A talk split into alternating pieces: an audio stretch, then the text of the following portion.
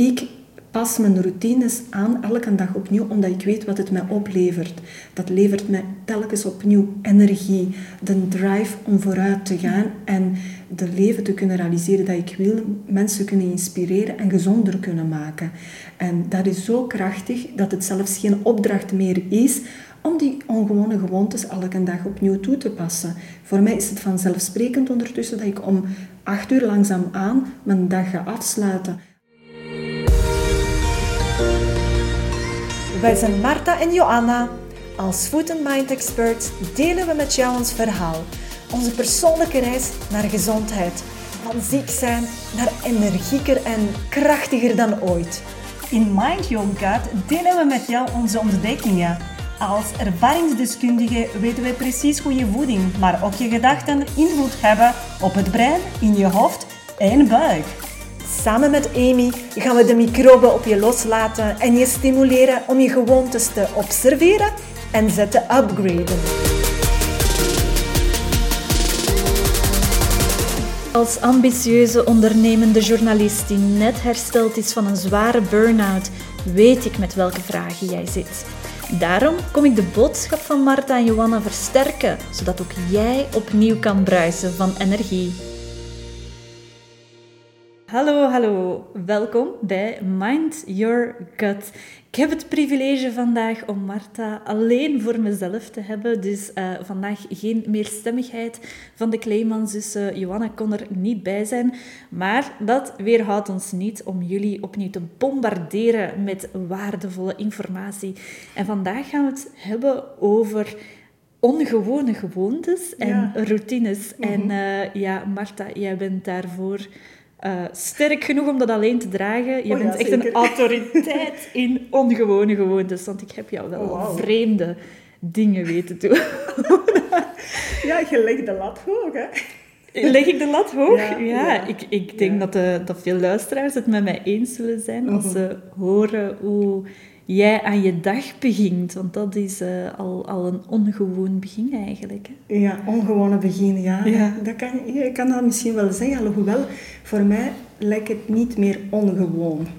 Die ongewone gewoontes die in het begin misschien als ongewoon aanvoelen, want dat was ook voor mij het geval toen ik eraan begon, voelen niet meer ongewoon. Het is een routine geworden. Het is eh, mijn natuurlijke ik geworden. En ik denk dat ik vooral wens te starten met zeggen dat ik hou van eraan te werken, om aan mezelf te werken en eh, ja, mezelf beter te maken. Want dat is waarom dat ik die ongewone gewoontes in mijn leven heb geïntroduceerd. Omdat ik meer energie wilde hebben, omdat ik eh, meer wilde kunnen dromen en mijn dromen eh, wilde ook realiseren. En de routines inbouwen onder vorm van ongewone gewoontes heeft me daarbij geholpen. Ik denk dat ik er zelfs vandaag niet meer bij stilsta, omdat het mijn gewoonte geworden is en dat ik elke dag opnieuw eh eraan werk. Ja. Ja, want je gewoontes, we staan daar eigenlijk weinig bij stil, maar je gewoontes bepalen bijna wie je bent. Hè? Bepalen je persoonlijkheid, je persoonlijke realiteit. Ja, en dan is het misschien interessant om te kijken, inderdaad, wat is een gewoonte? Gewoonte is iets dat we gewoon zijn van elke dag opnieuw te gaan doen. Dus een bepaalde gedrag dat je elke dag opnieuw gaat doen. Dat als een automatisch programma bijna loopt. Ja, en Ja. dan moeten we ook wel beseffen inderdaad dat die automatische piloot voor 95% ons leven leidt. Als we kijken naar de tweede aflevering, geloof ik, van onze podcast, daar hebben we het over mindshift. En daar spreken we over de stickman en eh, hoe onze mind werkt. En ik moet zeggen, toen ik begonnen ben aan mijn traject van persoonlijke ontwikkeling en ik hoorde dat ik elke dag opnieuw hetzelfde dingen deed, zonder te beseffen dat ik ze aan het doen was. Ah, mijn, mijn mind was blown. Hè? Beseffen dat je elke dag opnieuw jouw eigen leven creëert op automatisch, onbewuste piloot, heeft mij serieus wakker geschud om zelf in actie te schieten en mijn gewoontes die ik had onder de loep te nemen. Ja. Want ik had weinig energie. Ik sleurde me door de dag heen. Ik had heel veel fysieke klachten. Uh, ik was mentaal niet klaar, dus ik kon geen boek lezen zonder te kunnen vertellen achteraf wat ik gelezen heb.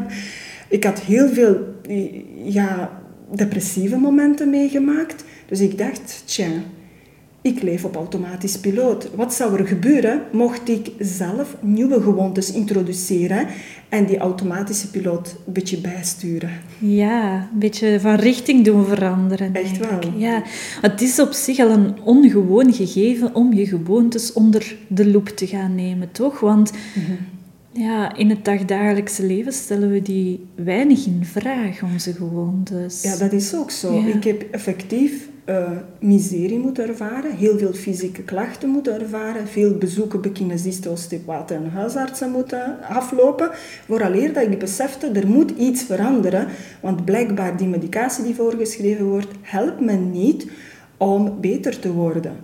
Dus het bewustzijn is gekomen met de pijn. Mhm. Ik geloof dat je Zo ergens gebeurt het vaak, hè? een mooi hoofdstuk had geschreven over pijn als katalysator Krachtige katalysator, ja. We hebben het daar nog samen over gehad, hè? Ja. Eigenlijk begint alle soort van transformatie bijna eerst met pijn, hè? We konden eigenlijk zelfs geen voorbeeld bedenken van iemand die een grote transformatie had doorgemaakt puur uh, omwille van, van een positieve drijfveer. Ja, ja dat, is meestal, zit, dat zit in ons. Hè? Ja, dat is meestal wat de transformatie in stand houdt. Hè? Dus eens dat je pijn hebt gehad, de krachtige katalysator om te transformeren, dan wordt dat proces van transformatie in stand gehouden door je positieve drijfveer. Doordat je merkt dat je vruchten plukt van die transformatie. Ja, en hoe raar dat het ook klinkt, vandaag ben ik dankbaar voor de miserie die ik heb gehad omdat door die miserie heb ik kunnen groeien. Heb ik effectief stappen, hoe moeilijk dat ze ook waren, gezet om mezelf te veranderen, transformeren. Ja. Dat, dat was echt wel nodig om, om te kunnen groeien. Herken je jezelf nog? Ehm, ik kan mezelf heel goed herinneren hoe het voelde mhm. om, om zich slecht te voelen. En dat helpt me natuurlijk ook om die nieuwe routines in stand te houden. Ja om de nieuwe ongewone gewoontes uh, in stand te houden, want ik wil me niet meer zo voelen zoals ik me toen voelde. Het was pijnlijk. Ja, ik kan dat volledig beamen. Ja, ja. vandaag zijn we allebei denk ik dankbaar. Jij misschien voor jouw burn-out. Ja. En eh, vaak hoor je dat ook van andere mensen. Het was mijn godsgeschenk om burn-out te mogen ervaren. Maar pas op, je bent echt heel ver als je dat durft en kan ja. zeggen. En ik kan mij voorstellen, mensen die luisteren en die misschien nog midden in een burn-out zitten, mhm. ehm, dat dat een beetje woozy klinkt of, of dat, dat dat voelt van, ja, wat zeg je daar? Dit is de grootste pijn die ik ooit heb beleefd. Hoe mm durf je dat in je mond te nemen, dat je daar een dankbaarheid voor koestert? Maar ik, ik kan eigenlijk vandaag wel garanderen dat als, als je ondergaat en, en je laat het ook toe dat het je transformeert, dat je de weerstand loslaat, dat het echt een geschenk kan zijn. Dat dat, dat jou wacht aan de overkant van die brug van pijn dat je oversteekt. Ja, dat, dat benoemt je heel mooi. Er is altijd een overkant. Ja. Of er is altijd een keerzijde van een medaille. Ja. Er kan geen zon schijnen als het niet heeft geregend. Je kan geen liefde ervaren als je nooit uh, een wrak hebt ervaren. Dus er zijn altijd twee kanten van de medaille. En ik denk dat het heel belangrijk is voor ons om te aanvaarden dat die twee kanten in het leven aanwezig mogen zijn.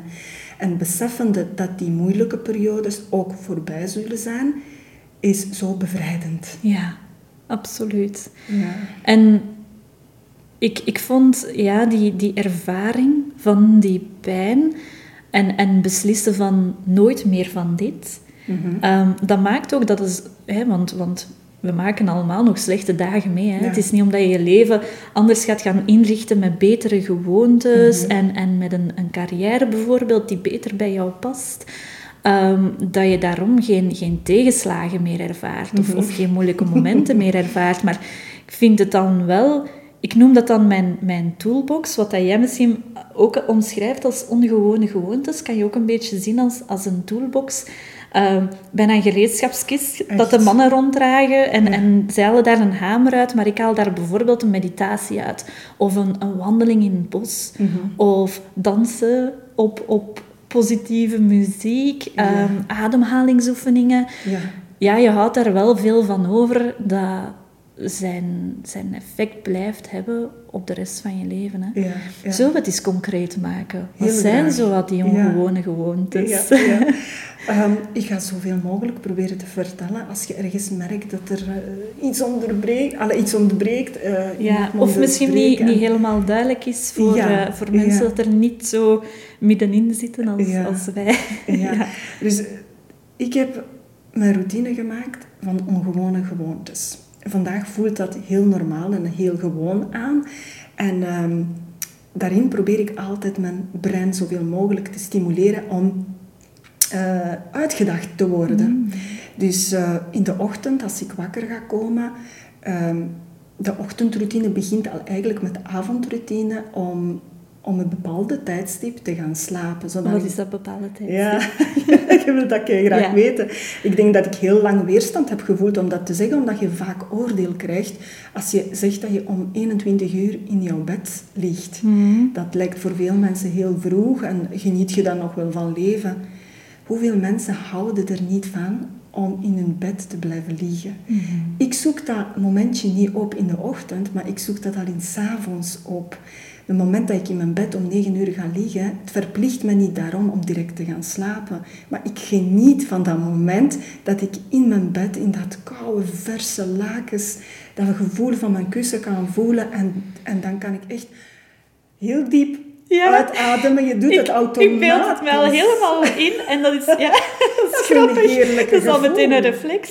Ja, dat is een heerlijk Ja. gevoel, maar wij, wij, wij programmeren ons om te denken, ik mag dat gevoel niet hebben, want 's morgens moet ik uit de bed komen. Daarom creëer ik voor mezelf dat moment s'avonds om dat langer te mogen voelen. Mm. En dan ben ik niet verplicht om eruit te komen, maar ben ik, eh, mag ik heel rustig en, en gekalmeerd in slaap vallen en goede kwaliteitsrust krijgen overnacht. Dus tijdig om 21 uur naar bed gaan, dat betekent niet dat ik direct in slaap val, want ik heb ook een gewoonte van te mediteren, om mijn dag mooi af te sluiten. Ehm, er zijn bepaalde gewoontes dat ik weet ook dat voor andere mensen heel goed kunnen werken. Ik doe het zelf bijvoorbeeld nog niet. Is bijvoorbeeld alle drukke dingen of problemen van mezelf afschrijven. In, in, Ja, in een soort van mooie- dagboek, journaling. Ja, dus dat is heel krachtig om te doen. Voor mezelf hoeft het niet. Ik kan ondertussen heel gemakkelijk dat van mezelf afzetten. Ik zet gewoon een bepaalde knop af. Al de to-do-lijstjes dat ik nog te doen heb morgen of dat ik vandaag niet afgewerkt heb, dat staat af. Ik weet gewoon, ik ga nu mediteren. En ik vind meditatie zo'n geweldige tool om zichzelf te kalmeren. En hoe, hoe mediteer jij? Is dat een geleide meditatie? Mhm. Is, eh, ga je neerliggen op bed om te mediteren? Ja. Wat voor meditatie doe je Ja, juist? er is ook een evolutie geweest in heel dat proces van mediteren. Eh, wat ik vroeger als meditatie zag, was een manier van zichzelf te kalmeren en te ontspannen. Vandaag is het niet meer. Dat is zelfs meer een tool geworden om meer eh, spiritueel zichzelf te kunnen ontwikkelen. Een visualisatie? Visualisatie bijvoorbeeld kan ook een deel daarvan zijn, maar ook zichzelf in de toekomst bijvoorbeeld zien, mijn eigen toekomst proberen inbeelden en vooral niet inbeelden, maar voelen. Hoe ga ik me voelen dan? Ja, dat is manifestatie eigenlijk. Bijvoorbeeld. Oh, ik vind Ja. dat zo fantastisch om, om te kunnen bedenken wat wil ik. Niet dat dat heel gemakkelijk is om te bedenken, want eh, mijn overtuigingen staan me vaak nog in de weg. Daarom dat ik ook altijd de tijd neem om s morgens en s avonds te mediteren, om mezelf genoeg kansen te geven om dat te kunnen doen, om die overtuigingen te kunnen eh, overbruggen.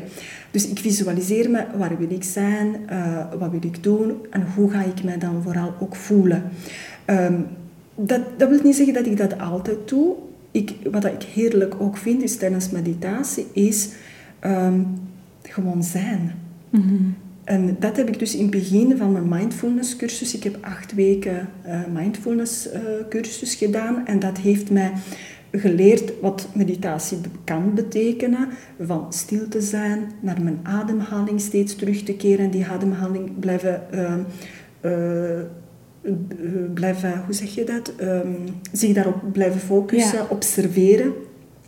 Dat heeft me geholpen om van andere gedachten te kunnen uh, afstand nemen, daarvan los kunnen komen. Ja. En om even uit je hoofd te komen en in je lichaam te komen. Zo. Ja. dus ik had dat echt wel nodig. Dat was een hele goede start om, om te gaan mediteren. Mm. Maar vandaag is dat toch wel een beetje anders. Dat is echt wel aanwezig zijn in het eh, hier en nu.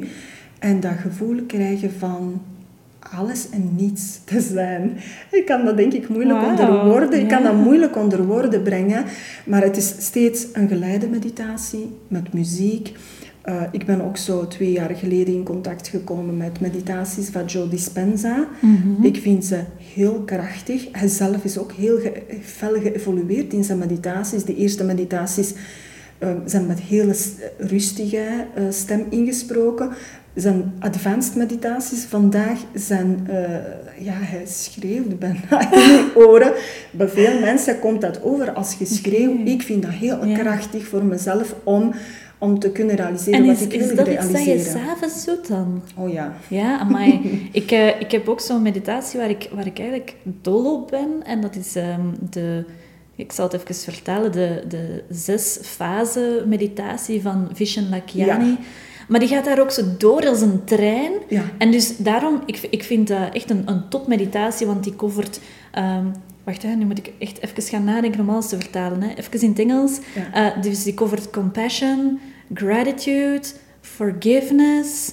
Um, en dan is, is het ook meer een, een visualisatie. Um, de, de, de laatste drie stappen zijn ook meer visualisatie naar, naar de toekomst toe. Um, om maar te zeggen, van, dat covert zo al, al die aspecten van meditatie die zo goed zijn voor u. Mm maar ja, die gaat daar dus door als een trein. En als ik zoiets doe voor, voor ik ga slapen, dan, dan voel ik mij zo'n beetje opgefokt. Eigenlijk. Het is een hele doelgerichte meditatie. Ja. Ik heb ze ook gedaan. Ik vind ze schitterend. Misschien eerder voor in de ochtend. Ja, exact. Dat kan zijn dat, dat dat u zo meer in actie zet, maar het kan ook wel een goed... Het hangt ervan af wie je bent en wat past bij u. Het kan ook een hele goede zijn net door die compassie en door de gratitude en forgiveness, dat het u helpt om alles los te laten en beter te kunnen slapen. Mhm. Ja. ja. Dat is een hele goede die van Vishen Lakiani, vind ik. Ja, er zit ook zo goede muziek bij. Ik vind muziek heel krachtig trouwens. Ja, absoluut. Ik ook. Ik ben altijd op zoek naar um, geleide meditaties die en goed geleid zijn ja en goede muziek hebben. En dat is zo een zeldzame soort, precies. Ja, klopt, klopt. En ik, eh, ik zeg, zal niet zeggen, ik ben verslaafd aan dispensa, maar ik vind ze gewoon heerlijk. Er zijn verschillende soorten meditaties. Je kan tune into your future self. Je hebt liefdevolle meditaties. Uh, synchronize into uh, love, into energy. Luister je die dan op Spotify of is dat een app of zo? Ja, je kunt veel meditaties op YouTube vinden. Eigenlijk is dat niet echt een kanaal dat het promoot, maar er worden veel meditaties daar op, opgenomen. Je kan via iTunes bepaalde meditaties downloaden. Ze zijn altijd betaalbaar, alleen te betalen, uh, maar ze zijn heel krachtig en ik wissel vaak af. Dus... We kunnen misschien een paar uh, linken delen in, uh, in de omschrijving van, van deze podcast, dat, dat mensen een keer eens kunnen gaan uitproberen. Nee, ik zal zeker wel zeggen, iemand die daar niet mee bekend is, het is wel handig om zijn boeken te lezen misschien mm. eerst, om te weten waarom zou je mediteren. En ook beginnen echt met de basic meditaties. Want hij maakt nu zelf onderscheid tussen de basic en advanced. Want de advanced meditaties zijn meer voor studenten van hem, diegenen die echt deel hebben genomen aan zijn uh, bijvoorbeeld advanced retreat van zeven dagen, waar je echt wel elke dag zes uur lang in het niets ziet. Hè. Dat is Hoezo dus, in het niet ziet? Dat is, is dat medita Dat zijn meditaties. Dus we worden dus uh, tijdens zo'n event kan je, so, kan je, word je verwacht om vier uur s ochtends om samen te gaan mediteren in een groep, in een hele grote zaal. En dat is een groep van 1500 man. En als je in een groep mediteert, is het toch nog een andere ervaring als je dat alleen op je bed doet. Um, dus ongelooflijk wat zo'n meditatie in een groep met jou kan doen. De energie dat je voelt Dat is toch iets bijzonders, als je dat deelt met andere mensen. Dat is toch een, een ja, Een energie, of Energie, zo die versterkt ja. wordt. En, Dat is het ja. echt wel. Je wordt één, want we zijn één. We leven in dezelfde energieveld. En zonder daar te diep op in te gaan, heb ik het echt wel zelf mogen ervaren wat Ja. die energie doet als je in de groep mediteert. Ja. Eh, het is ongelooflijk. En dan is overdag heb je ook verschillende meditaties. En dat zijn geen meditaties van vijf minuutjes. Je mag starten met vijf minuutjes. Maar die twee momenten dat ik overdag mediteer, dat is s morgens half uur, s'avonds meestal een uur. Je heeft vaak meditaties van drie kwartier. En het is niet de bedoeling om plat op bed te gaan liggen, want dan bestaat de kans dat je in slaap gaat vallen. Maar actief gaan mediteren, dus rechtzittend op bed. S'morgens ga ik niet op bed mediteren, sta ik dan, kleed ik me onmiddellijk aan. Ik poets mijn tanden, dat vind ik heel belangrijk, mijn tanden poetsen en tongschrappen. En dan ga ik naar beneden en ik heb mijn stoel waar ik effectief actieve zithouding heb. Eh, en ik zet mijn meditatie op. Eigenlijk begin ik niet met meditatie, ik start eerst met mijn stretching oefeningen. Ehm, dus die stretching oefeningen helpen mij om mijn lichaam wat flexibel te maken na de nachtrust. En dan ga ik pas mediteren. Ik sta dus heel vroeg op. Waarom? Waarom? Net om te kunnen mediteren. Want we weten bijvoorbeeld dat het effecten... Kan je om zes uur s ochtends ook niet mediteren? Je kan dat ook doen, want, maar als je bekijkt naar je fysiologische klok, je biologische ritme, je gaat tussen 2 en 3 uur s'nachts melatonines gaan produceren. Ehm, en dat is een hele krachtige om op dat moment te gaan mediteren. Ik ga dat niet op drie uur Want doen. melatonine is het slaaphormoon, Dat is het toch? slaaphormoon, Ja. inderdaad. En als je in die actieve fase van de productie van melatonine kan mediteren, kan je die meditatie nog krachtiger gaan ervaren. Ik mediteer niet om drie uur of vier uur s'nachts. We, we deden dat wel in de retreat. En af en toe in, de ja, in het jaar ga ik mezelf, of samen met Johanna, spreken we momenten af dat we dat wel effectief gaan doen. Die bepaalde meditaties om drie uur s'nachts. Die kunnen tot twee uur lang duren Om die effect daarvan te kunnen doen. eh, te Ik kan me niet voorstellen dat ik wakker kan blijven. Om drie uur Ja, s'nachts als daarom die mijn- actieve houding wel belangrijk Ja, is. Ja. ja. En telkens als je merkt, want je merkt dat, dat je in slaap ontvallen zit, is de bedoeling om wakker te schieten en zich terug herinneren van wat ben ik hier aan het doen, wat ben ik hier aan het doen, waarom Mm. doe ik het. En dat helpt om daar actief in de meditatie te blijven. Ja, want Mhm. mensen hebben veel het idee dat meditatie iets is dat je moet kunnen of zo. hè. Nee, nee. Ja, en vaak zeggen ze van eh, je moet iets ervaren tijdens meditatie. Dat is absoluut niet waar. Het is een training, eigenlijk. Het is een training, maar je mag geen verwachtingen hebben. En dat is de grootste, grootste uitdaging van geen verwachtingen te hebben. Je doet het om zich beter te voelen, om beter tegen de stress te kunnen, om minder reactief te worden. Want dat zijn effecten die ik daardoor ervaar. Als ik mijn wekkers morgens, in de week doe ik dat, om 4 uur zet. Eigenlijk is dat niet gestipt 4 uur, maar 4 uur 03, 4 uur 11, 13. Waarom? Weer om mijn brein uit te dagen. Ah, ja. Anders zit je in automatische piloot. Hoeveel mensen zetten hun wekker niet stipt om zes uur? Amai, Kwart gaat ver. zes, zes uur dertig. Het kan ver gaan. Alles om die brein uit te dagen. Ook zelf eh, mijn kleren aandoen. Het maakt me niet uit of dat averechts is of binnenste buiten. Ik doe die kleren aan. Zonder daar een bepaalde belang aan hechten om de verwachtingen te kunnen loslaten. Ik ga bijvoorbeeld een trap naar beneden. Ik doe dat ook niet elke keer, want als je dat elke keer hetzelfde gaat doen, dan wordt dat weer Wordt een het weer gewoonte. Dus de moment dat ik denk, hoe ga ik vandaag de trap naar beneden gaan? Eh, voorwaarts of achterwaarts. Ik kan ze, zelfs mezelf uitdagen. Oké, ik zou dat misschien achterwaarts willen doen, maar net omdat je dat afspreekt, ga ik het voorwaarts doen. Dat is net het omgekeerde. Dat is een spelletje dat speelt. waarom doe je zoiets bijvoorbeeld? Ja, de trap achterwaarts is gewoon om je wakker te schudden. Van los te kunnen komen van de gewoontes. Oké. Want je brein, je wilt nieuwe neurologische verbindingen in je brein inbouwen. Dat is net een hele interessante, dat je brein kneedbaar is. Als je heel je leven lang alles op dezelfde manier doet, dan ga je nooit groeien. Dan kom je nooit uit de comfortzone. Dan kan je die droom misschien niet realiseren, omdat je gewoon bent dingen op bepaalde manier te doen. En je, je gaat nooit out of die box gaan denken. Ja. En dat helpt dus niet. Hè? En als het leven jou dan op een punt brengt dat je uit je comfortzone moet komen, is Ja. het misschien ook niet meer zo Beangstigend. ja, beangstigend Ja, inderdaad. kan je veel flexibeler daarop reageren. Misschien denk je vandaag, hoe kan het jou helpen? Allee, dat is zoiets onnozel.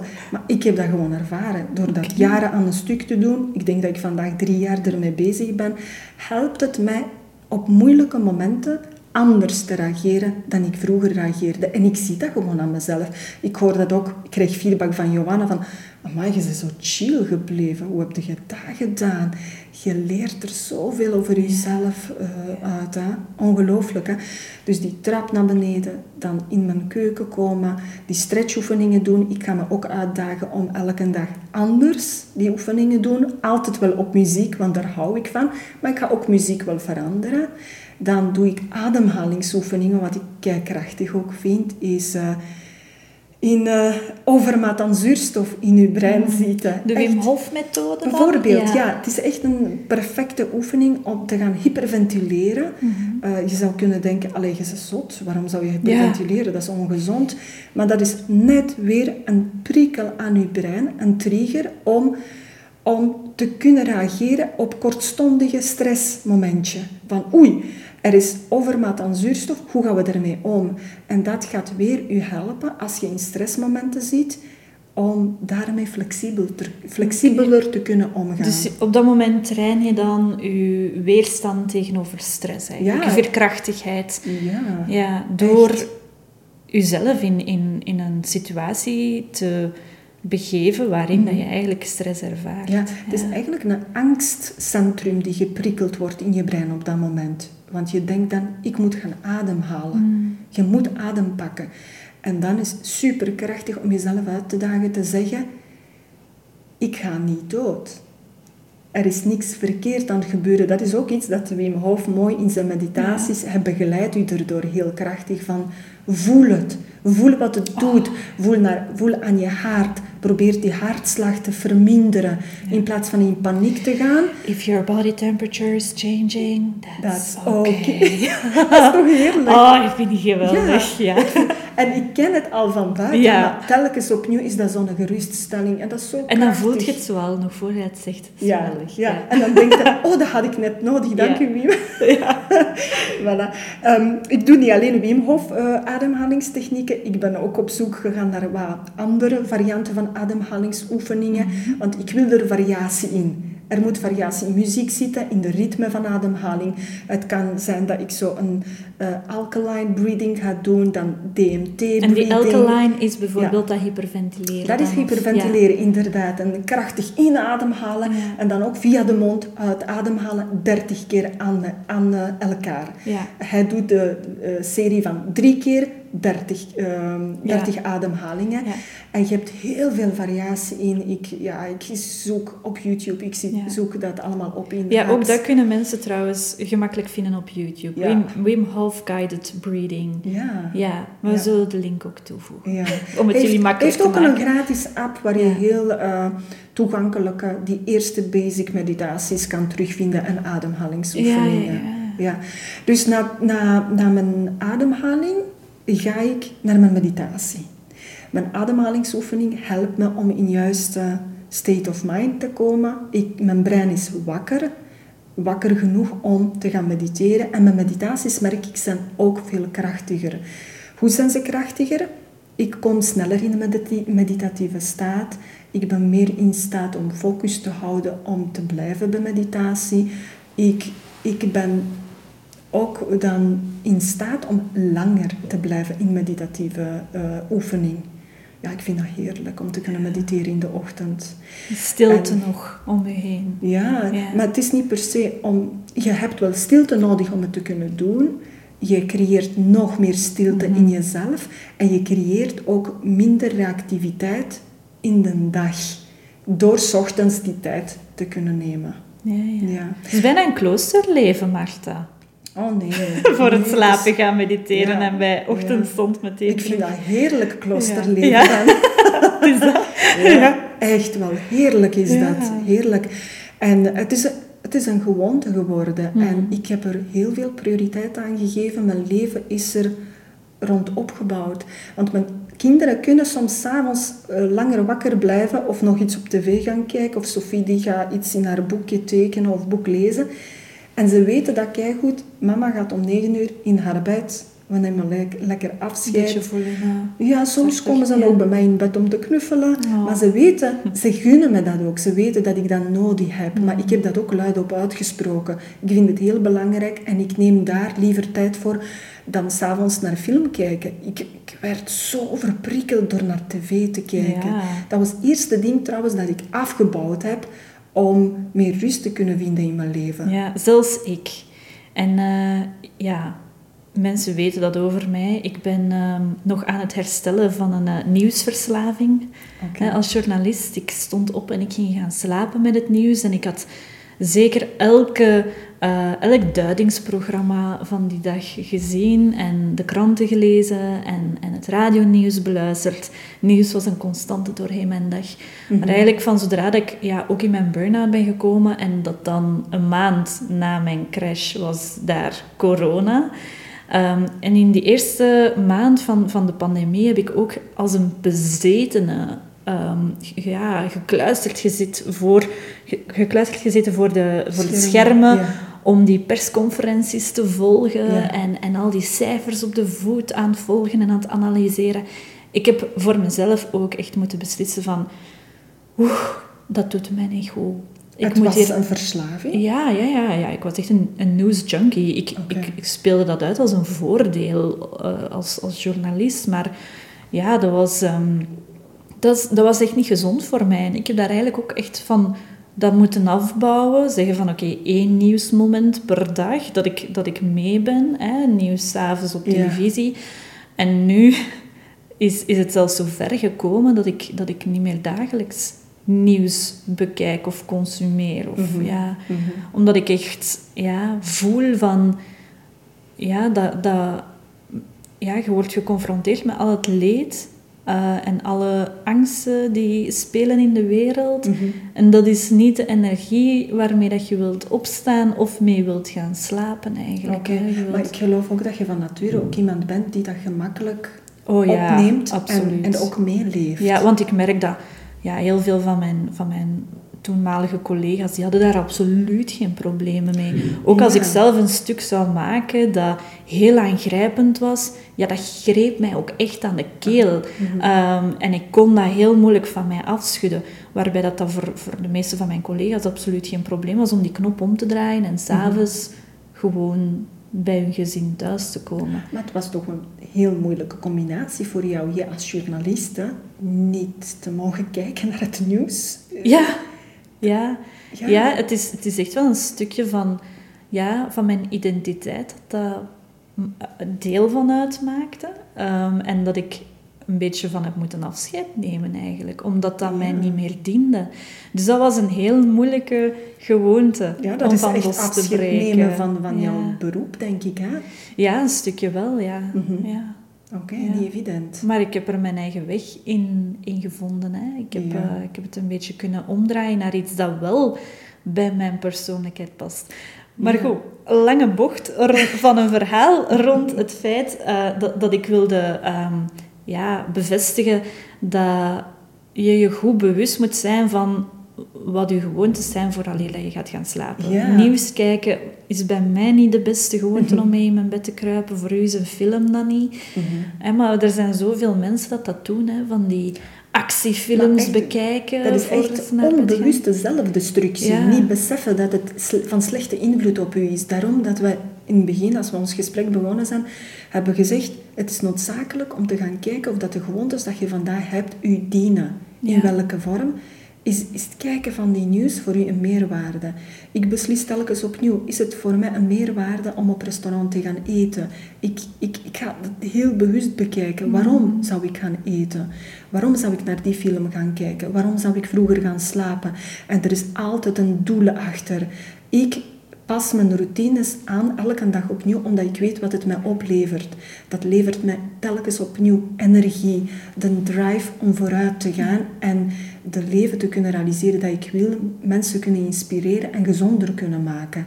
En dat is zo krachtig dat het zelfs geen opdracht meer is om die ongewone gewoontes elke dag opnieuw toe te passen.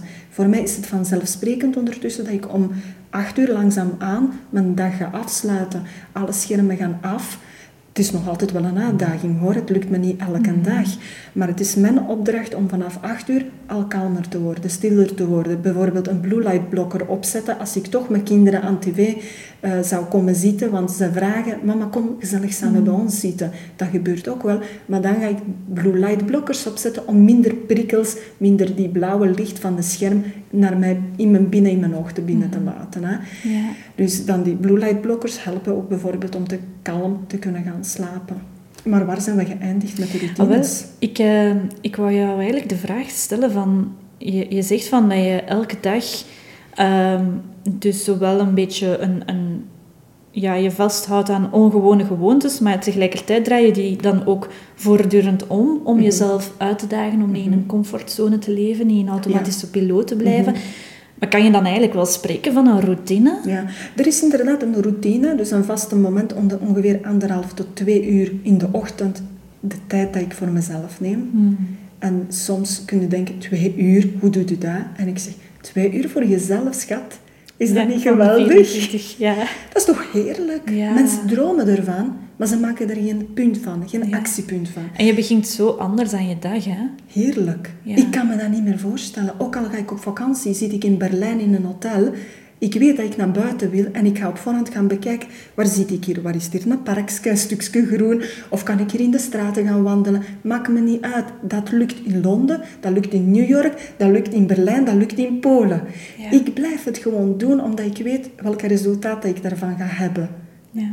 Heerlijk. Heb je momenten dat je het, dat je het niet meer ehm, doet, dat je het niet meer uitoefent, zo'n routine, en dat je merkt dat, dat je daar dan, dat je dan die kunnen- voordelen niet Nee, hebt? ik doe het altijd. Ik ben nu aan het nadenken. Nee, ik doe het altijd. Het zou kunnen dat er een kleine uh, twikje in zit, omdat iets misschien niet mogelijk is. Ja. Maar ik doe het altijd. Het zou kunnen misschien dat ik het korter doe. Het zou kunnen dat ik eh, misschien stretchsessie er uh, moet uit laten, uh, eruit, uh, hoe zeg je dat, uh, niet doe. Want ik heb niet genoeg tijd, oversla, niet genoeg tijd om dat te doen. Maar ik ga altijd iets voor mezelf doen in de ochtend. En dat is vooral om de, de nadruk te leggen op, op zelfliefde, op zelfrespect. Ik sta niet op om voor de werkgever te gaan werken, om te presteren voor iemand. Nee, ik ben er voor mezelf. Ik leef voor mezelf en dat is absoluut niet egoïstisch. En dat was de eerste ding die ik heb moeten beseffen, dat ik niet leef voor mijn kinderen, niet voor mijn partner, niet voor mijn werkgever, maar voor mezelf. Ik heb recht om gelukkig te zijn. En door die routines in te bouwen, heb ik dat mogen ervaren en voelen. Ja. Hoe heb je, dat, heb je dat van in het begin zo gezien, als zijnde dat het niet egoïstisch is om zo'n gewoontes te gaan uitoefenen uit zelfliefde? Het heeft even geduurd. Ja, toch hè? Ja, echt wel. Ja. Tegen mijn kinderen of mijn partner zeggen, schat, ik ga nu slapen. S'avonds om Ja. 9 uur. Chris is dat ondertussen gewoon, kinderen ook. Soms voel ik me er nog een beetje schuldig over. En ik ga af en toe momenten inlassen om minder schuldgevoel te voelen. Ja. Maar eh, Eigenaardig toch hè? echt wel, Ja. dat voelde heel egoïstisch aan. Maar het is absoluut niet egoïstisch als je aan jezelf kan denken, want je genereert energie om voor anderen te kunnen zorgen. Je kunt niet uit de lege emmer eh, eh, energie scheppen. Echt niet. Dat is mooi gezegd. Ja. Ja, ik, ik heb daar... ehm, ja, het begint te beteren, maar ik had er ook wel wat weerstand over. En, en zeker mijn, mijn man, die, ehm, die zei dat ook. Die vond dat heel vervelend als ik tegen hem zei van... Ik heb een momentje voor mezelf nodig. Ja. Maar ja, je weet ook hoe dat is als jonge mama en je, en je, en, en je werkt en je, je holt van, van hier naar daar. En, en ja, je loopt jezelf constant voorbij. En, en door te leren mediteren en yoga en ademhalingsoefeningen en, en die dingen die echt, die toolbox die zo goed Ja. helpt. En dan, dan kon ik soms zo even zeggen van... "Oeh, De stress is opgebouwd in mijn lichaam. Ik heb een momentje voor mezelf nodig. En hij, hij kon dat zo egoïstisch ervaren. Oh. Also, Ja. ja. zo van... Is het nu nog altijd dat hij dat egoïstisch Ah, wel, het, ja, blijkbaar is het, is het bij hem ook een kwestie van, van woordkeuze. als ik hem zeg van, ik, ik heb even behoefte om te mediteren, dan, dan is het prima voor hem. Oh. Ja, gek hè? Dat is waarschijnlijk iets persoonlijk bij hem. ja. Maar eh, Ja, alles is perceptie. Hè? Ja. Zelfs de woorden dat je gebruikt. Hè? Hoe dat iemand iets interpreteert. Hè? Ik denk dat, dat ik triggert iets. Hè? Echt wel. Ik denk dat ik zelf geluk heb gehad. Ik heb mezelf meer beperkt dan mijn partner. Ik dacht, hij gaat er moeilijk mee hebben, maar hij heeft er nooit iets van gemaakt. Oké. Hij heeft al enkel en alleen kunnen inzien, man, dat doet jou goed. Blijf het vooral doen. Ja, dat wel. hij, hij ervaarde er alleen voordelen van. Hè? Dus hij doet er nooit moeilijk over. En ik, ik heb het geluk, denk ik, dat mijn kinderen dat begrepen, dat mijn partner het begreep. Maar ook omdat ik het heel goed heb uitgelegd waarom dat ik het nodig heb. Ja. Ja. En vandaag zou je dat niet meer een dag kunnen voorstellen zonder Nee, dat klopt, ja. ongewone gewoontes. Ja, ja. ja. Ja, ik heb nu net een, eh, een weekje achter de rug dat ik naar Dardenne was. Ja. En daar heb ik zo zelf die, die gewoontes wat, wat losgelaten, omdat ik ja, toen op dat moment iets minder ehm Amy was met haar gewoontes, maar, maar meer vrouw van die s'avonds nog met een wijntje wilt, wilt napraten, of Ja. schoondochter van, want mijn, mijn schoonmoeder was ook mee. Eh, dus gewoon s'avonds napraten, in plaats van ja, een half uur te mediteren of een uur te mediteren. Mhm. Ehm, en, en ook zo op te staan en meteen samen aan een ontbijttafel te gaan zitten in plaats van ja, die ochtend traag te beginnen. Ik heb dat eigenlijk wel ervaren. Mhm. dat, ja, dat ik veel meer moeite had om, om stress los te laten. Als ik, ehm, als ik niet op die manier voor mezelf zorg. Ja, Ja, ja dat is gek hè. ja, Ja, dat is echt iets geworden dat ik, dat ik nodig heb. Zo. Maar ik denk dat we die momenten ook eh, mogen ervaren van, van minder goed in ons vel voelen. ja, absoluut. Zodanig dat we terug getriggerd worden of herinnerd worden aan waarom doen we Ja. iets eigenlijk. Ja, en dan heb je ook geen ehm, moeite om, om die goede gewoontes weer opnieuw op te Ja. pikken. Want je Ja. weet exact wat dat ze voor jou doen. Ja, dat is heerlijk. Ja, ja, ja. ja. Want wat, wat doen ze zoal voor jou? Is dat echt zo een, een reset van, van het zenuwstelsel? Zo even terug zo... Ja, weet je, als ik mijn ehm, ochtendroutine afrond met dansen op het terras, onafhankelijk of het regent, vriest of warm is, buiten op het terras, Wauw. op leuke ritmische muziek. En dan ga ik nog wandelen, want zo sluit ik mijn ochtendroutine af, wandelend buiten. Voel ik me zo heerlijk. Wat doet dat met mij? Dat, dat zet mij in de juiste mindstate om aan de dag te beginnen. Dan heb ik ook energie om aan eten bijvoorbeeld te beginnen. Kwaliteitsvolle maaltijd voorzien voor mezelf en voor mijn gezin. Dan heb ik energie om kinderen voldoende aandacht te geven in de ochtend om ze wakker te maken. Om nog even op bed te blijven liggen en over Pieter zijn rug kietelen. Want Oh, hij houdt ja. ervan. Om Sofieke rustig wakker te maken. Om daar even een babbelke mee te doen in plaats van rush, rush. Word wakker, want je moet naar school. Dus ik merk dat ik door veel rustiger te zijn Ja. zelf, ik geef ze ook rust door. En ze beginnen zalig aan hun ochtend. Eh, Dat is Ze hebben zo zo'n zachte mama. Ja, Dan- echt wel. ja. Echt wel. Dan ben ik zacht, dan ben ik liefdevol en dan durf ik ook tijd uittrekken voor hun. En dan vertrekken ze rustig naar school en dan kan ik rustig ook beginnen met mijn eigen doelen. En dat kan zijn, dat, dat doe ik eigenlijk eh, om mezelf uit te dagen, echt wel dan een notaboekje te nemen en opschrijven wat wil ik die dag doen. Zonder nog zetten. Echt zonder de, de, de WhatsApp of Instagram door te scrollen, probeer ik eerst te bekijken wat wil ik zelf eerst bereiken. Want vaak merk ik, als ik toch gekeken heb naar Facebook of Instagram, die scherm bepaalt wat ik ga doen die dag. Ik vind dat verschrikkelijk. maar je is- moet ervan bewust zijn. En ik weet dat vandaag, daarom pak ik die notaboekje en ga ik opschrijven wat wil ik vandaag gerealiseerd hebben of hoe, voel ik, hoe wil ik me vanavond voelen. Hmm. En dat helpt me om de concrete eh, stappen die dag te kunnen nemen. Ja, ja, ja. Ja, ik ben dat ook meer bewust gaan doen, die intenties zetten. Zowel in taken die ik wil volbrengen op, op professioneel niveau. Maar wat dat ik bijvoorbeeld daar ook aan toevoeg, ik, ik maak daar op zondag een momentje van om, om na te denken over wat is mijn intentie voor de week. Wow. En dan elke dag kijk ik inderdaad ook nog een beetje naar wat is mijn intentie voor, Ben ik voor de nog? dag. Ja, oké. Ben ik nog op schema en Ja. is er ondertussen iets anders dat mijn prioriteit vraagt. Ja.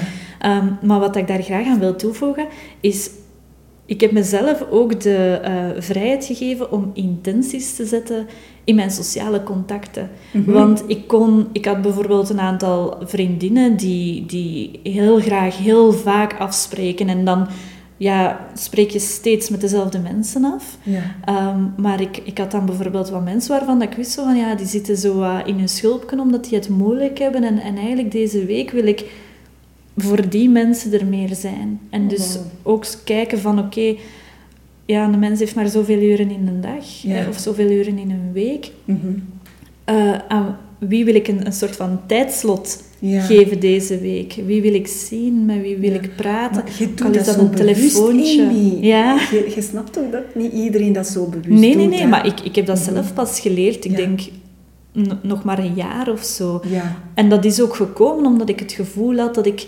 ehm, niet genoeg controle had over mijn eigen tijd en energie. Ja, ja ik had het gevoel dat, dat mensen altijd maar um, mij konden oproepen. Ja, ik ben ook een verschrikkelijk moeilijke in nee zeggen en ik wil iedereen altijd tevreden houden. Dus als iemand mij zou roepen, zou ik, zou ik dat altijd beantwoorden en, en probeer dat wel in de mate van het mogelijke nog steeds te doen, maar wel met meer bewustzijn. Maar dat is wel een uitdaging, hè, om daar grenzen in te stellen. Hè.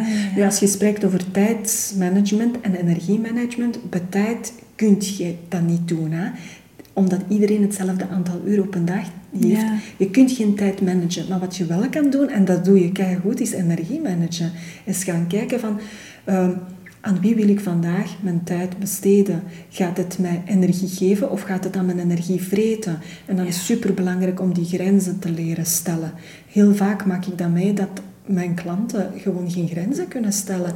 En daardoor lopen ze leeg en dan is er geen ruimte om, om aan dat gezonde voeding bijvoorbeeld te denken. En dat begint ook weer met, met het bewustzijn. Hè? Weten wat geeft je energie, en wat vraagt je energie, wat neemt je energie. En dat is, dat is echt in het begin wel heel goed gaan aanvoelen. Hè? Mhm. Ja, Want als je op automatisch piloot draait, dan, dan, dan, weet je dat niet. Nee. Ja. En wat dat leuk is om mij te starten, is een, een levenswiel. Als je beseft dat je in je leven verschillende levensdomeinen hebt, bijvoorbeeld die sociale contacten, dat is een van de levensdomeinen. Maar je hebt mhm. ook je professionele leven, je carrière. Je hebt je relatie, dus met je partner of misschien met gezin. Je hebt ook spirituele ontwikkeling of persoonlijke groei. Wat heb je nog allemaal? Financiële levensdomeinen. Je kunt er alles invullen wat dat in je opkomt.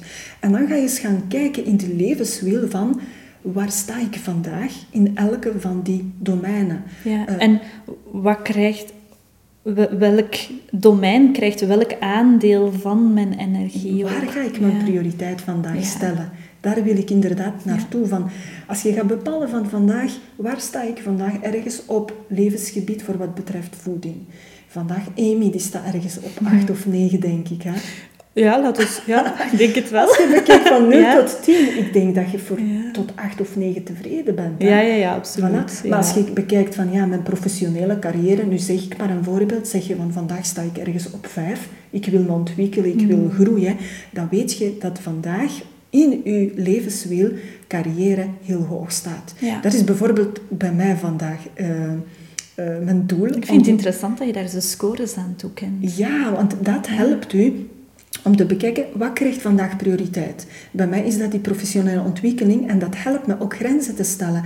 Als iemand mij gaat uitvragen om te gaan eten, dan weet ik oeps, mijn energie, ik heb maar zoveel energie en ik wil die energie vandaag geven aan die professionele ontwikkeling. Maar je moet ook goed weten, waar streef je naartoe? Die doel weten, want anders blijf je maar lopen, lopen, lopen en je raakt er nooit.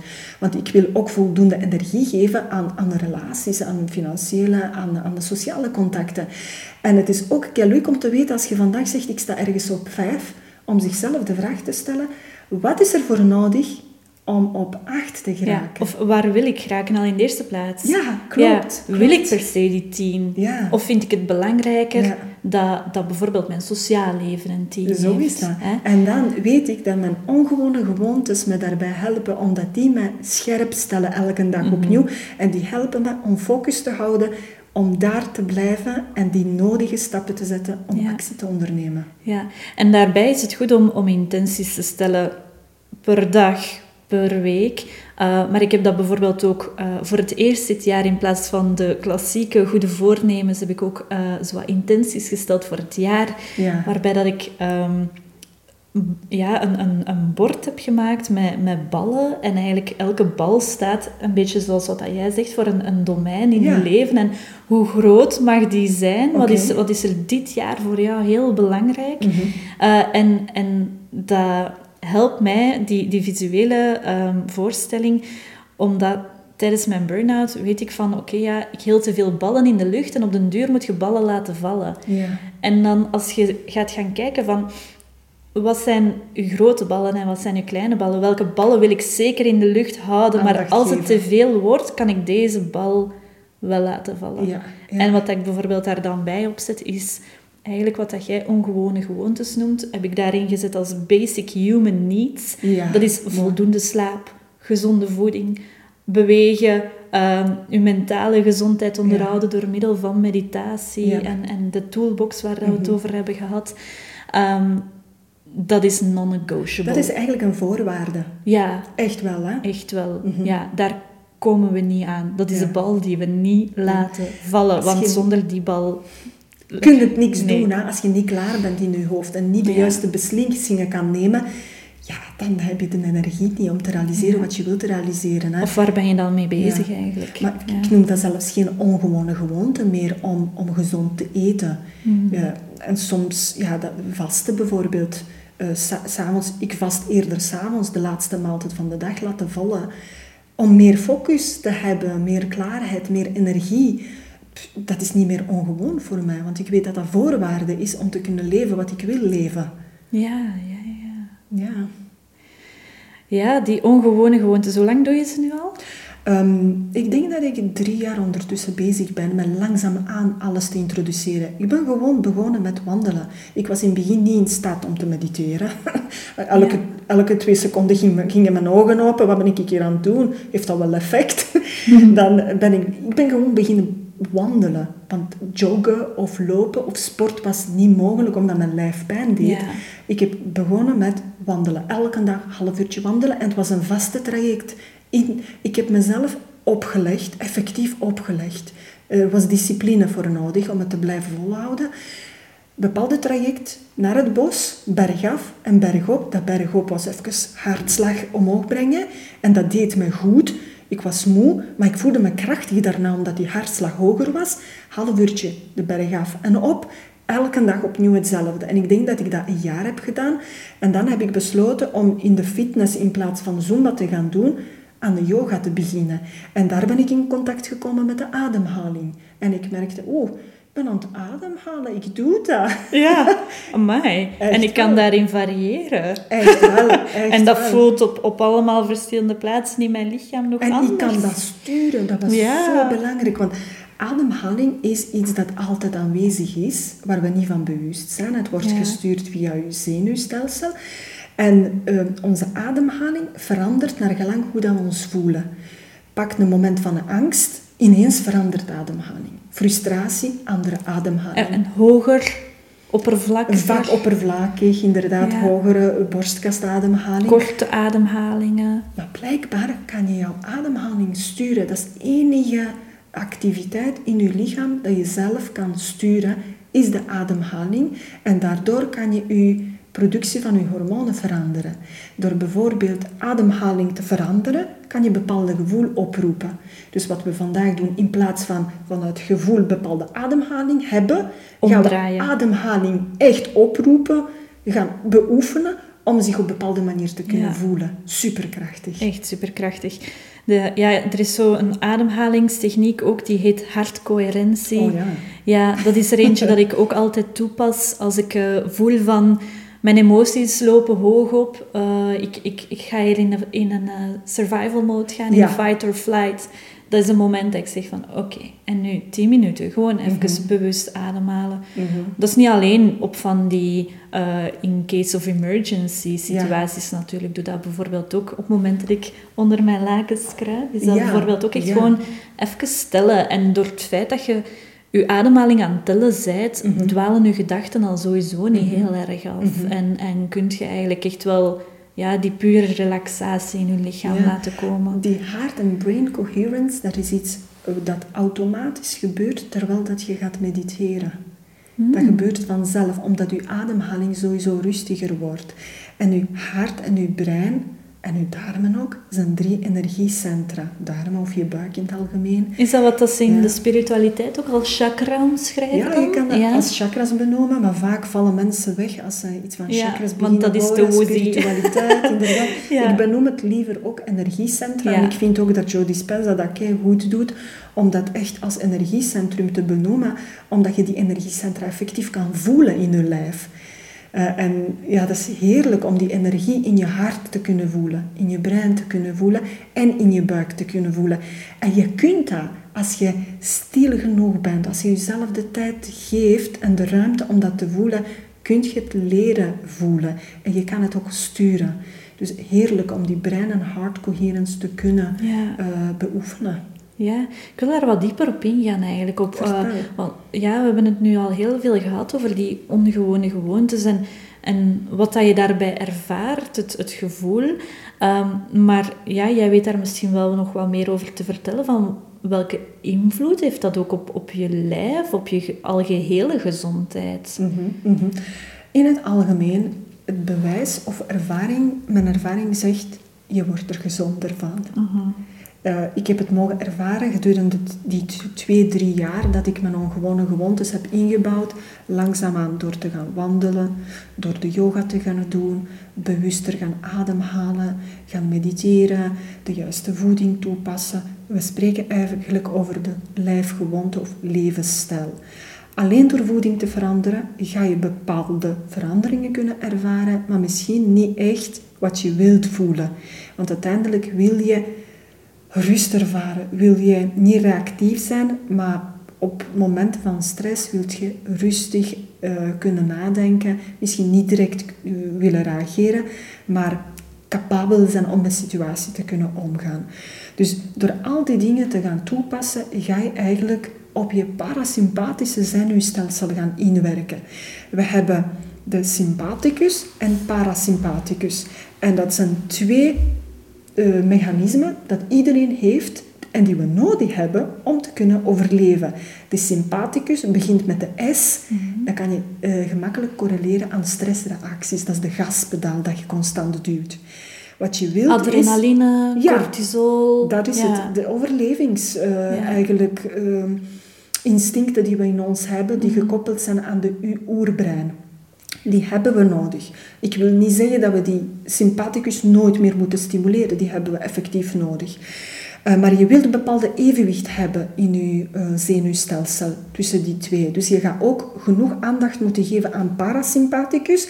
En dat gebeurt op het moment dat je in contact komt met de natuur. Dat je gaat mediteren, dat je gaat ademhalen. Dat is de parasympathicus. En je wilt evenwicht tussen die twee hebben. Bij mensen die in burn-out gaan, dat wil zeggen, de parasympathicus is uitgeput. Er is geen energie Ja. meer.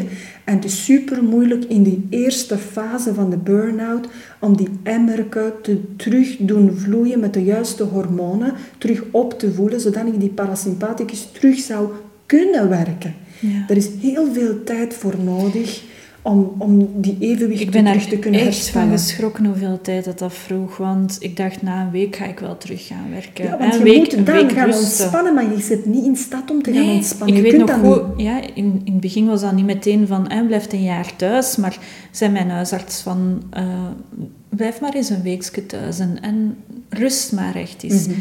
En ik weet nog dat ik na die week bij de huisarts zat en echt zoiets had van, ik heb niet kunnen rusten. Mhm. Dat lukt mij gewoon niet. Ik ben zo rusteloos. Ik ben, Mhm. ja, dan heb ik zoiets van, oeh, ik heb hier een week waarin dat ik niet moet werken. Ik ga dat en dat en dat en dat doen, zodanig dat mijn leven een beetje rustiger is voor wanneer ik terug ga beginnen Ja. werken. Ik ga heel mijn huishouden doen. Ja. Inhalen. Mhm. Ja, dus inderdaad, vooraleer dat ik echt rust terug heb ervaren in, in dat parasympathische zenuwstelsel, nou, hoe lang Dat is heeft daarover tijd gegaan? nodig. Dat heeft zoveel tijd nodig. En vooral mindsetwerk om durven loskomen van de druk dat je gewoon was. van inderdaad proper huis hebben, voor mijn kind zorgen, werken.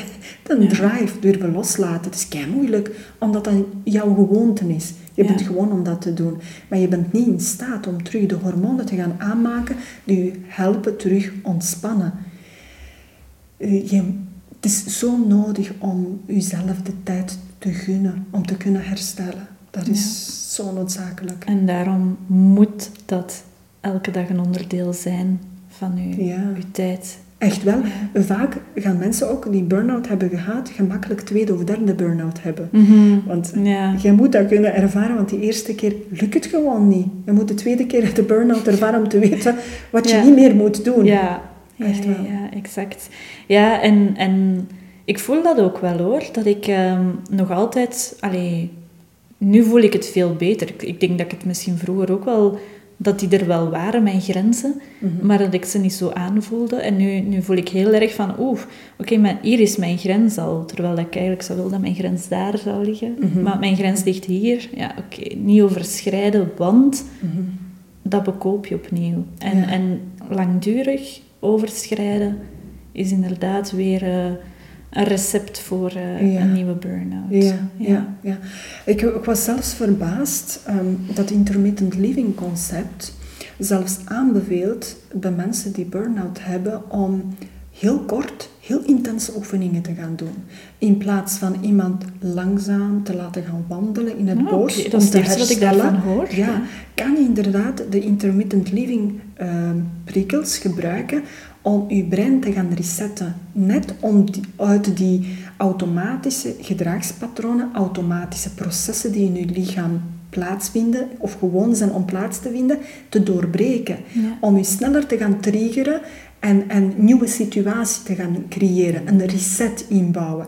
Ik denk dat dat een, trouwens even eh, een term is die misschien nog nieuw is voor een, een aantal mensen. Intermittent living, wat, wat, is dat juist? Ja, ah, wel, dat is iets dat uh, ik en Johanna zijn gaan toepassen zonder dat concept te kennen. Mm. Dus we waren... Pas later de naam ervoor gehoord. Ja, ik vond dat geweldig dat er zelfs een wetenschappelijk onderzoek naar gebeurd is. Wat zijn de intermittent living prikkels? Mm. We noemen dat ondertussen intermittent living lifestyle, omdat we die prikkels gewoon levenslang blijven gebruiken om gewoon beter en gezonder te zijn. Uh, bepaalde prikkels, als ik ze moet benoemen, is bijvoorbeeld ehm, introductie of je lichaam blootstellen aan koude prikkel. Koude douche nemen, koud afdouchen of in koude rivier gaan uh, uh, baden of even onderdompelen of in koude bad gaan zitten. Of in de winter met de short naar buiten gaan. Dat, ja, of op blote voeten inderdaad is ook voldoende. In de sneeuw gaan wandelen of op koude gras of je uh, voeten in de koude emmer stoppen. Ehm, dat is een van die prikkels die een bepaalde shock geeft aan je lichaam, is kortstondig, stressprikkel. Maar je weet dat het kortstondig is, dus het is niet schadelijk voor je lichaam, maar het maakt dat je systeem gaat resetten. Uh, nog een andere prikkel kan zijn bijvoorbeeld ademhalingsoefeningen, hyperventileren, is uh, hyper, uh, hypoxie of hypercapnia, het omgekeerde daarvan. Dus in een zakje bijvoorbeeld gaan ademhalen, waardoor dat, dat de CO2 in je brein te hoog komt te staan. Hyperpoxie, hyper... hypoxie. Hypoxie, ja, te veel zuurstof. Ja. Hypercapnia, ja. te veel CO2. Ja, okay. inderdaad. Ja. Of te weinig zuurstof. Ja, ja. ja. voilà. Dus de ademhalingsoefeningen zijn kei goeie. Maar ook intermittent vasten. Um, niet drie keer per dag eten, maar je lichaam blootstellen aan tekort aan energie. Af en toe. Mhm. Dat is niet iets dat je elke dag gaat toepassen, net om weer die geweningstoestand niet te weg te brengen, want dat wilt je niet. Intermitterend wilt trouwens zeggen afwisselend. Als je weer opnieuw elke dag hetzelfde gaat doen, dan gaat je daar geen mhm. effect meer van ervaren. Want waarom is het zo belangrijk om, om dan... Ja, mag ik het zo noemen, uit je comfortzone te komen. Want dat is het eigenlijk. Hè. We, we hebben een, een zeer comfortabele levensstijl waarin mm dat we in verwarmde huizen leven en kleren hebben voor aangepast aan temperaturen. We, we, stellen ons, ons lichaam inderdaad steeds minder en minder bloot aan stressprikkels. Mhm. Omdat we heel de omgeving naar, naar ons hand hebben uh, gezet. Uh, wat is er daar mis mee? Ja, we hebben alles naar ons hand gezet omdat dat gewoon comfortabel en leuk mhm. is. Het is fijn om altijd 20 graden te voelen. Hè? Het is niet fijn om stress te mogen ervaren.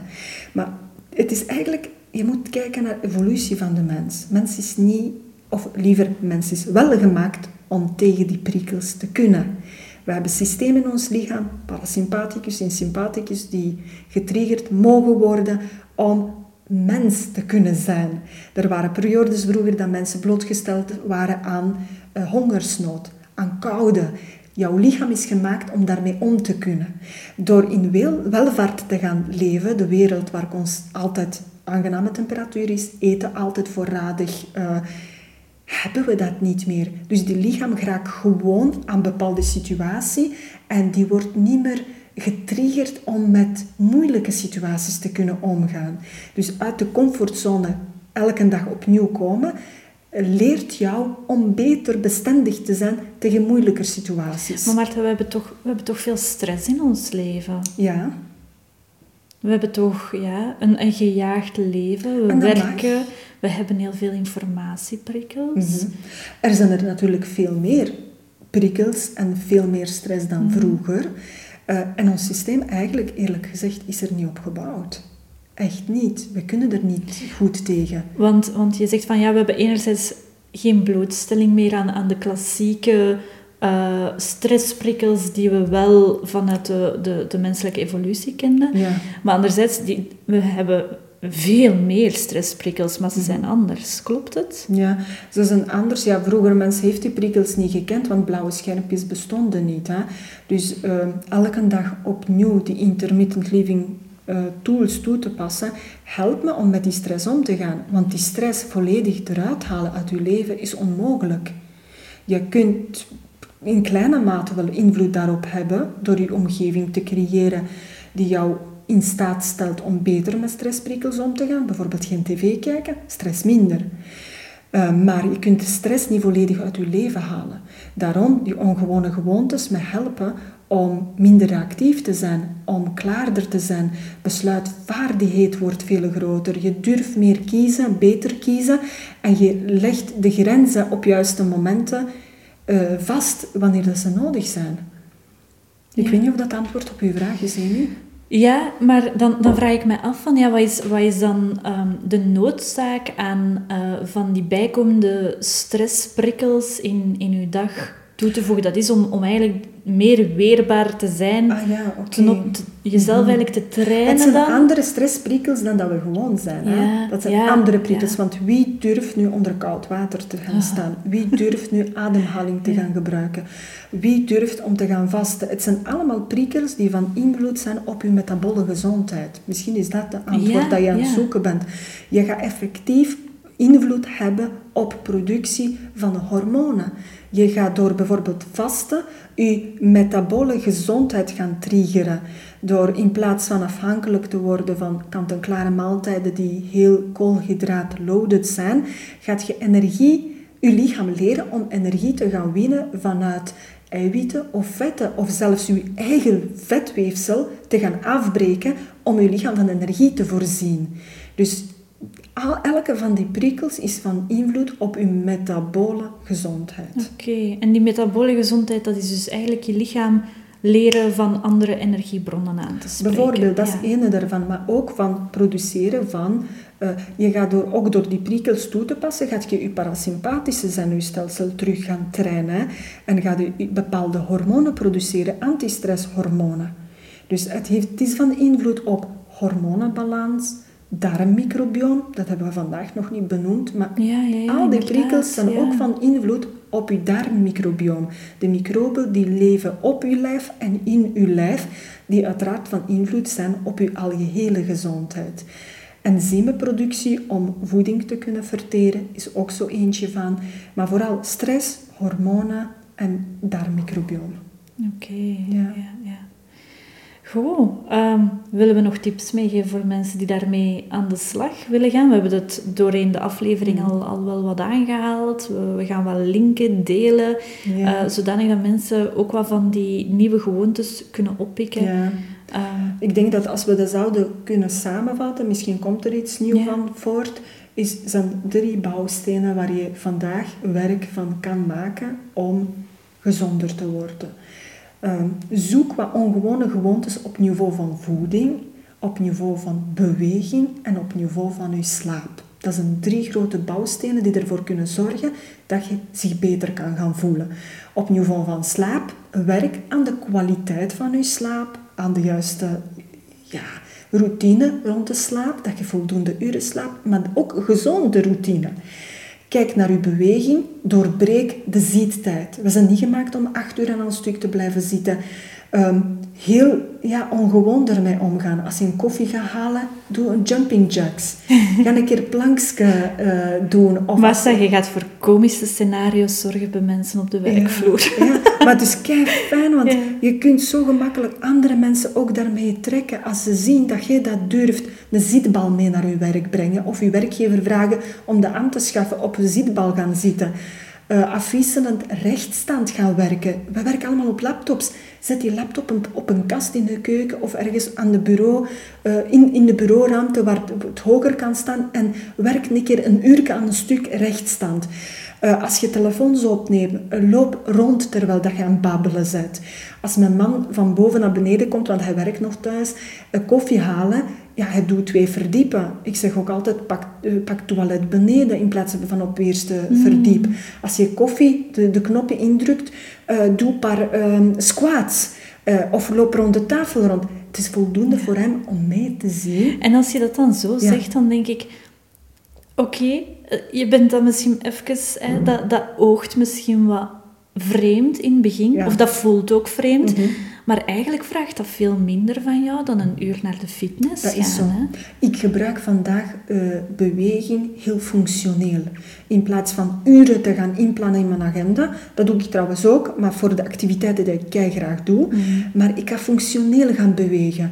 Als ik ga stofzuigen, is niet met gedacht, oh my god, ik moet poetsen, ik heb er geen tijd voor. Nee, ik weet, span je buikspieren op en ga heel bewust gaan stofzuigen. En dat gebruik ik als fitness. Mm alles wat ik doe, de afwas uh, of, of uh, wasmachine uithalen, probeer ik heel functioneel te gaan gebruiken. Ja, ja want ik, ik kan mij voorstellen, allez, ik heb dat toch zelf ook wel heel erg. Um, uw, uw hoofd is, uw brein is heel goed in, in excuses verzinnen. Hè? Mm. En um, je gaat dan meteen gaan denken van, oh ja, maar dat is toch super contraproductief om oh ja. hè, uh, hoeveel tijd, ik ben toch zeker 10 minuten kwijt van mijn werkdag om van de tweede verdieping naar het gelijkswoord mhm. een koffie te gaan halen en terug. En, en, of doorheen de dag te bewegen. Ik heb daar toch geen tijd voor, ik moet toch, ik moet toch werken.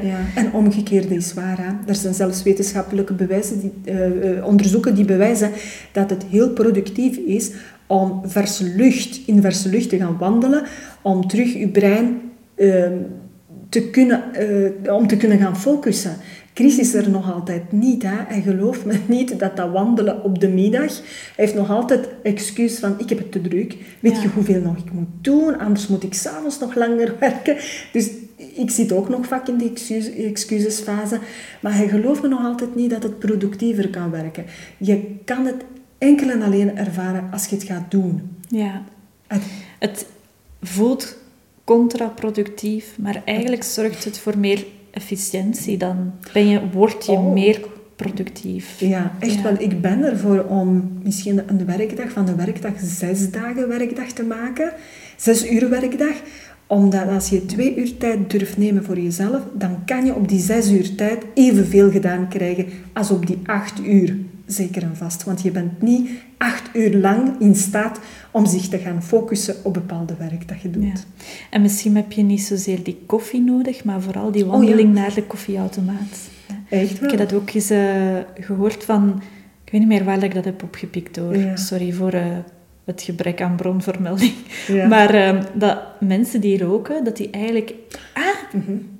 Eric de, van Wildlife, uh, Wildfit. Eric Edmeets, ja. Ja, um, dat hij zegt van, ja, mensen die roken zijn eigenlijk niet verslaafd aan, aan nicotine, aan de nicotine mm -hmm. maar eerder aan de grote ademhaling dat ze dan een keer doen, omdat ze inhaleren. Een reflex van ademhaling, ontspanning, ja. die dus, zucht, hè, dat ontspant. Hè. Ja, dus je hebt misschien een keer geen... Uh, koffie nodig, maar een wandeling naar de koffie zet. Je hebt misschien geen sigaret nodig, maar misschien een diepe ademhaling en een, en een goede grote zucht. Mhm. Ja, beantwoord die noden van je lichaam. Ik denk dat dat het vooral is. Hè? En, en durf daar een beetje de, de vreemde eend in Ja. zijn. En er zijn zoveel dingen dat je zelf kan doen. Als je een keer je op de grond legt, een keer voelt naar je lichaam van waar heb je zelf beweging nodig. Begin gewoon met je benen te draaien, in de lucht bewegen. Wat dan ook, alles helpt. Elke klein beetje helpt. Hè. Voelen en dan die noden gaan beantwoorden. Echt wel. Doorheen de dag. Ja, kwaliteit van de slaap, beweging en de voeding. Het is niet meer voor mij ongewoon, dus te gaan vasten. Of in plaats van je buik te gaan voelen, echt voeden. Elke lepel dat je in je mond stopt, beseffen dat dat energieleverancier is. En je wilt je lichaam voeden in plaats van voelen. Mooi. Ja. Mooi om- op af te sluiten. En ik hoop dat veel mensen geïnspireerd zijn om eh, hun eigen gewoontes eens goed onder de loep te Ja. nemen. En om die te, ja, de moed te vinden om die te durven omdraaien. Ja, naar kan- iets dat hen beter Het kan echt wel een game changer zijn, Ja, echt wel. Absoluut, Mm. absoluut. Dus eh, we horen het graag. Welke gewoontes dat, de, dat onze luisteraars ehm, ja, na deze aflevering zullen omdraaien. Laat het ons graag weten. Goed, dankjewel. Marta. Graag gedaan, dank u. Heb je de microbe te pakken en ben je gemotiveerd om er meer te weten en tot actie over te gaan? Volg ons dan op Instagram en Facebook op Clayman 2. Ben je echt gebeten en vastberaden om te transformeren? Ga dan zeker ook eens naar onze website clayman2.com. Om de twee weken op vrijdag brengen we je een nieuwe aflevering. Maar tot die tijd, kies bewust en remember, always mind your gut.